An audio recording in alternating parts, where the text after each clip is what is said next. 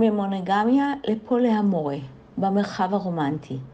בשנים האחרונות זוגות שוקלים אם לפתוח את מערכת היחסים שלהם. מה זה בעצם אומר? בפרק אדון במערכות יחסים, ממערכת מונוגמית, כלומר בן זוג אחד, ועד לסוגים שונים של מערכות יחסים פתוחות פולהמורים, כלומר ריבוי מערכות יחסים. בין אם אתם מצויים במערכת זוגית נישואין או במערכת זוגית לא ממוסדת, בין אם אתם סטרייטים או במערכת יחסים חד-מינית. כל בחירה של סוג מערכת יחסים טומן בתוכו מורכבויות ואתגרים שונים. אז בואו נצלול לנושא ביחד.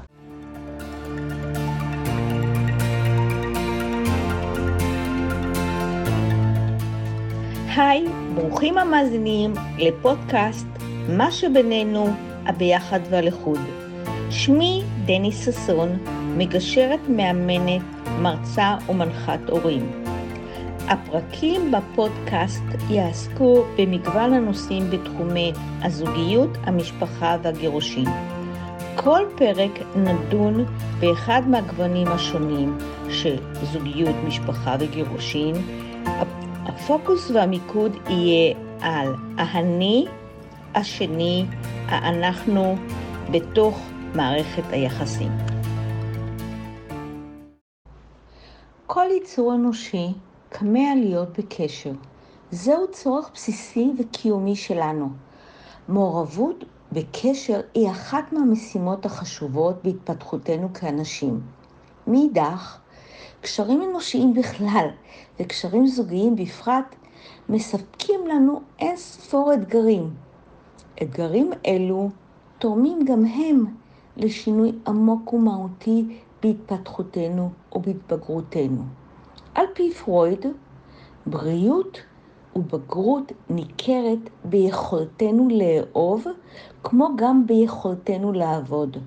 עם זאת, איכות החיים שלנו מושפעת יותר ממערכות היחסים שלנו מאשר מהעבודה שלנו. על פי אריק אריקסון, פסיכולוג יהודי אמריקאי מוכר ומוערך, לפני כניסה למערכת יחסים רומנטית, עלינו לפתח זהות עצמית חזקה וברורה. בלי תפיסת עצמי כזו שהיא נפרדת, יציבה, נתקשה בפיתוח מערכת יחסים בריאה. ללא זאת, אנו עלולים לחוות תחושה של היבלעות או היעלמות בתוך מערכת היחסים. הכוונה היא לבידול, למובחנות, שהיא היכולת לעמוד על שלי, להיות נאמן לעצמי אל מול אנשים חשובים ומשמעותיים בחיי, לדוגמה בן זוגי, שאני איתו בקשר משמעותי. מובחנות זו, האינטליגנציה, בין שני צרכים בסיסיים על הסקאלה. הצורך בשייכות בקשר לבין להיות עצמי אותנטי. כפי שציינתי, הבידול קשור ליכולת להכיר את עצמי, לקבוע יעדים שמשרתים אותי, ליטול אחריות מלאה על כל היבטי העצמי. רוב האנשים הם או אותנטיים או מרצים. אדם עם מובחנות גבוהה מסוגל בו בזמן להיות נאמן לעצמו ולהתעקש על הקשר. הדינמיקה הזאת, היכולת להישאר קשוב באופן משמעותי לבן הזוג ולהישאר אותנטי בביטול, הינה שאיפה אידיאלית שלנו. לכל אחד מאיתנו יש תמונה אחרת בראש של מהי מערכת הזוגית הרומנטית האידיאלית. תמונה הזו קשורה על פי רוב לאילו מבנים של מערכות יחסים נחשפנו בילדותנו. המושג מונוגמיה מקורו מיוונית, והוא נחלק לשני מילים, מונו יחיד, גם נישואין. לכאורה, ההפך ממונוגמיה היא פוליגמיה, שהיא ריבוי מערכות נישואים. בציבור הרחב נהוג להשתמש במושג מונוגמיה גם ביחסים לא ממוסדים. אם כך, מהי מוניגמיה? מוניגמיה היא מערכת היחסים הנפוצה ביותר. היא שמרנית בדרך כלל. אנשים הבוחרים במערכת יחסים זוגית מוניגמית בוחרים במערכת אשר לה כללים וגבולות ברורים. בשפה הטיפולית קוראים לכללים אלו חוזה זוגי. החוזה הזוגי מורכב מכללי התנהגות של עשה ואל תעשה. חלק מכללים אלו מדוברים ומצויים מעל פני השטח, וחלקם סמויים. ערך מרכזי בחוזה הזוגי המונוגמי הינו עקרון הנאמנות. בבסיס הנאמנות עומד הרעיון של אי קיום יחסי מין עם פרטנרים אחרים. אי שמירת אמונים אחד לשני במערכת, במערכת זו משמעותה בגידה. מערכת זוגית כזו מייצרת מרחב פרטי אישי כמעט שאינו חדיר, השייך רק ובלבד לבני הזוג. ברצוני לשאול, לתהות, האם מערכת מונוגמית היא ערך חברתי שאליה נחשפנו בילדותנו, מביתנו, מהסביבה שבה גדלנו? האם היא הכרח המצואי, המציאות? האם המערכת נותנת מענה למלוא הצרכים שלנו? כמה מרחב תנועה קיים בתוך מערכת כזו? או לחילופין, האם באמת כה מסגרת נוקשה כפי שהיא נתפסת בימים אלו? ומה לגבי אותו עיקרון שנראה כה ברור? מתי נפגע עיקרון הנאמנות? מהם הגבולות שכאשר הם נחצים, הם עשויים להיחוות כפגיעה בעיקרון הנאמנות? ישנם זוגות שיראו בפלירטוט כבגידה. אצל זוגות אחרים, הפלירטוט יכול לשמש כדלק להחייאת מערכת היחסים. ישנם זוגות שיראו בחוסר שיתוף במידע כבגידה בנאמנות. זוגות אחרים יתמכו בפיתוח נפרדות אצל כל אחד מבני הזוג. למה אנחנו מתכוונים כשאנחנו אומרים שאנחנו זוג מונוגמי? האם אנחנו בוחרים במונוגמיה כי אנו חוששים שבן הזוג שלנו לא ישמור על הכללים המונוגמיים, או שמא אנחנו חוששים באופן אישי ש... שאנחנו לא נוכל לשמור על עקרון הנאמנות. בחדר האימון אני פוגשת זוגות עם פגיעה עמוקה שחוזרת פעמים רבות ומקורה, כאשר אחד מבני הזוג בחר לפרוץ את גבולות המערכת ולקיים קשר רומנטי או רק קשר מיני מחוץ לזוגיות, ללא ידיעת בן הזוג השני. השאלה הנפוצה, מה גרם לבן הזוג לבגוד בבן הזוג השני? מה חסר במערכת? האם קיימת אמונה כי בן הזוג יוכל לתת מענה לכל הצרכים של בן הזוג השני? האם כל בגידה סופה קץ למערכת הזוגית? פרידה, גירושין? ובגדול, האם האדם במהותו הוא ייצור מונוגמי? האם המונוגמיה היא ערך חברתי ואנו בני האדם מקבלים אותה ללא ערעור? הנתונים מראים כי אחוזי הבגידות בקרב זוגות נישואים מונוגמיים גבוהים. כמו כן, אחוזי הגירושין עולים כל שנה בארץ ובעולם. אם כן, מה מבטיח נישואים מונוגמיים, אם בכלל? מפתח טוב לצליחת קשר מונוגמי היא תקשורת כמה שיותר פתוחה, בריאה ומכבדת בין בני הזוג, בה מתקיים שיח גלוי על כללי העשה ואל תעשה.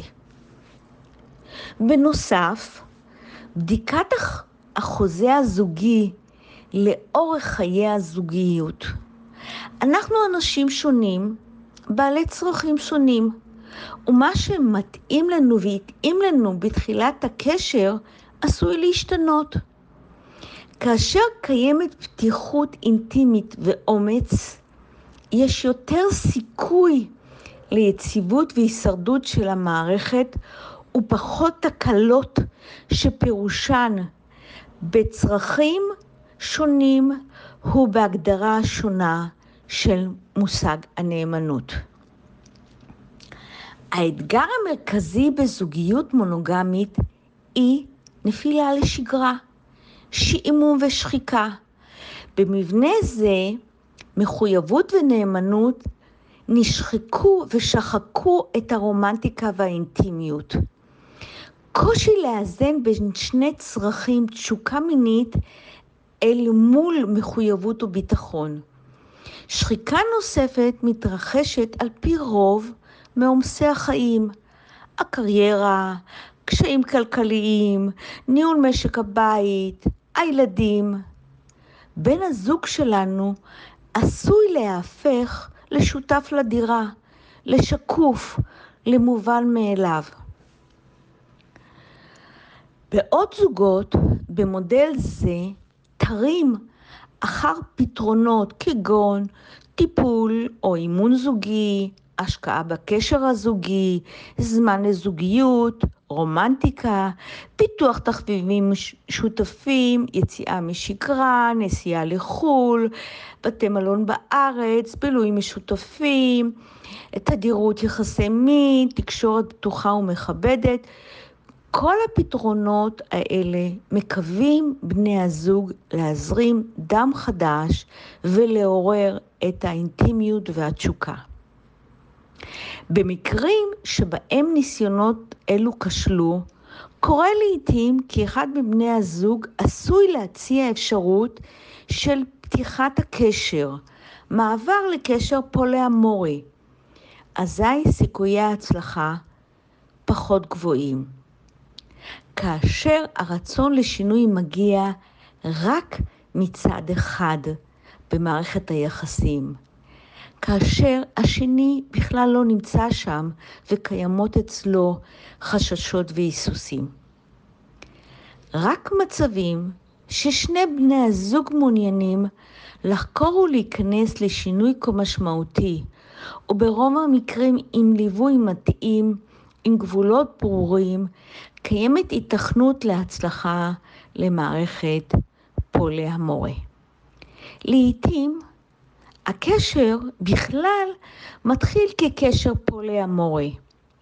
לעתים מדובר במעבר אחרי שנות זוגיות ונישואים עם תקשורת מקרבת ומכבדת. מעבר לפולי-אמורי מצריך החלטה משותפת של שני בני הזוג, בגרות, מובחנות ומוכנות, המניבים הזדמנות לצמיחה וסיפוק ולחוויות מגוונות ומרעננות. מהי פוליאמורה? הפירוש המילולי של פוליאמורה היא ריבוי אהבות. משמע, קיום מערכת יחסים מבוססת אהבה עם שניים או יותר פרטנרים בו זמנית. עם זאת, בקרב הציבור הרחב ההגדרה יותר נזילה וגמישה, כלומר, גם קשר בו מותרים רק יחסי מין עם פרטנרים נוספים, ייקרא קשר פוליאמורי. לחילופין, גם קשר בו מותרת מערכת יחסים אחת נוספת, ייחשב על ידי בני הזוג כקשר פוליאמורי. הזדהות המשתתפים להיכנס לקשר פולי-אמורה מבוססת על המתכונת והרצון להיות בריבוי מערכות יחסים. היכולת של אדם אינדיבידואל להכיל ולאהוב יותר מאדם אחד אחר ויחיד בו זמנית. המשתתף במודל זה מתמודד בהבנה כי לבן בת הזוג שלו עשויים להיות בני זוג נוספים. הוא מכיר בכך, הוא מפרגן, הוא מכיל, הוא מקשיב. ניתן לפתח מספר מערכות יחסים אוהבות טובות ואיכותיות בו זמנית. במערכת זו אין מושג בגידה, וגם מושג הקנאה מקבל שינוי במודל זה. הקנאה קיימת, היא רגש אוניברסלי. במערכת פולי-אמורה הקנאה לובשת פנים אחרות, היות והכל נעשה בפתיחות, בהקשבה, בידיעה ובקבלה. המשתתפים בה משתתפים באופן הדדי ומוסכם. המורכבות במודל פולי-אמורה גדולה יותר. היות וכל אדם מביא עמו את המורכבות שלו לקשר, את עולם האמונות, הצרכים, הרצונות ומה שהוא רוצה לתת ולקבל מהקשר. יחסים פולי-אמורה דורשים מבני הזוג מאמצים רגשיים ומעשיים. יש להם מאפייני אישיות ייחודיים. הם חווים מידה גבוהה של היענות לצורך ותחושת ביטחון ומסירות עם בן הזוג העיקרי שלהם. הסיכוי להצלחה במודל זה תלוי ברמת הבגרות, בתקשורת הטובה ובהתחשבות אחד של השני. מי הם האנשים שהמודל הפולי-אמורי מתאים להם? איך נזהה אותם? הם בדרך כלל יהיו אנשים שמחפשים ריגושים, הם אנשים חופשיים בלי מגבלות שפתוחים לניסיונות חדשים, הם בעלי אמונה שאדם אחד לא יכול לספק את כל הצרכים שלהם. לעתים הם גם אנשים שמחד הקשרים המונוגמיים שלהם הגיעו למיצוי וחווים תקיעות, ומאידך רוצים ומאמינים שמודל פולי אמורה יתאים להם. המודל הזוגי פולי אמורה איננו קל יותר ממודל מונוגמי. אולי להפך. קשר פולי אמורה חובק בתוכו מספר אתגרים משמעותיים לזוג שפותח את המערכת בהסכמה. יש שם אמון, תקשורת טובה, שמירה על גבולות, וכבוד הדדי בין הצדדים שלוקחים חלק במערכת היחסים. לתחזק מערכת כזו של יחסים, למצוא אדם שיסכים לחוקים ולכללים להם מוכן הזוג, מאתגר מאוד. מעורבות, צרכים ורגשות של יותר משני אנשים במערכת זוגית בו זמנית זה מעורבות יותר מורכבת. כל פעם שנכנסת מערכת חדשה, יש לתחזק ולהמשיך את המערכות הקיימות, ולעיתים לאורך זמן יש עייפות החומר. ובכלל עוד לא דיברתי על נושא הילדים. איך משתפים את הילדים בכך שאבא ואימא יש אהבות נוספות? והם מקיימים עוד מערכות ליחסי מין. דרוש המון בגרות רגשית, ואיני מתכוונת בפרק זה להרחיב בנושא הילדים. אני רק ככה זרקתי את זה כנקודה למחשבה. מיותר לציין כי בין המונוגמיה על הסקאלה עד לפולי אמורה קיימים מודלים נוספים וחלקיים שעליהם לא נתתי הסבר. חשוב לזכור שכל מודל של מערכת יחסים רומנטית ומינית שייבחר על ידי הזוג היא נכונה ומתאימה לאותה תקופה, והיא נכונה ומתאימה לזוג, ועל הזוג לבדוק ולעדכן את החוזה הזוגי שלו. כל זוג פתוח שמנהל דיאלוג על צרכים, יכול לנהל את הדיאלוג ביחד או בעזרה מקצועית התואמת לצרכים. ולרצונות המשתנים של כל אחד מבני הזוג.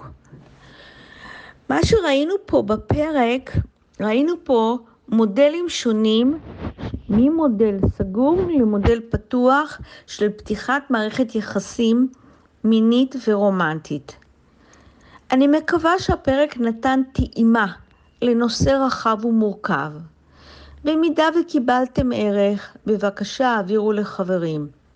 מאחלת לכל אחד ואחד זוגיות בריאה, מספקת, מלאה ומאתגרת. דני ששון, מאמנת זוגית ומגשרת, מנחת הורים. תודה.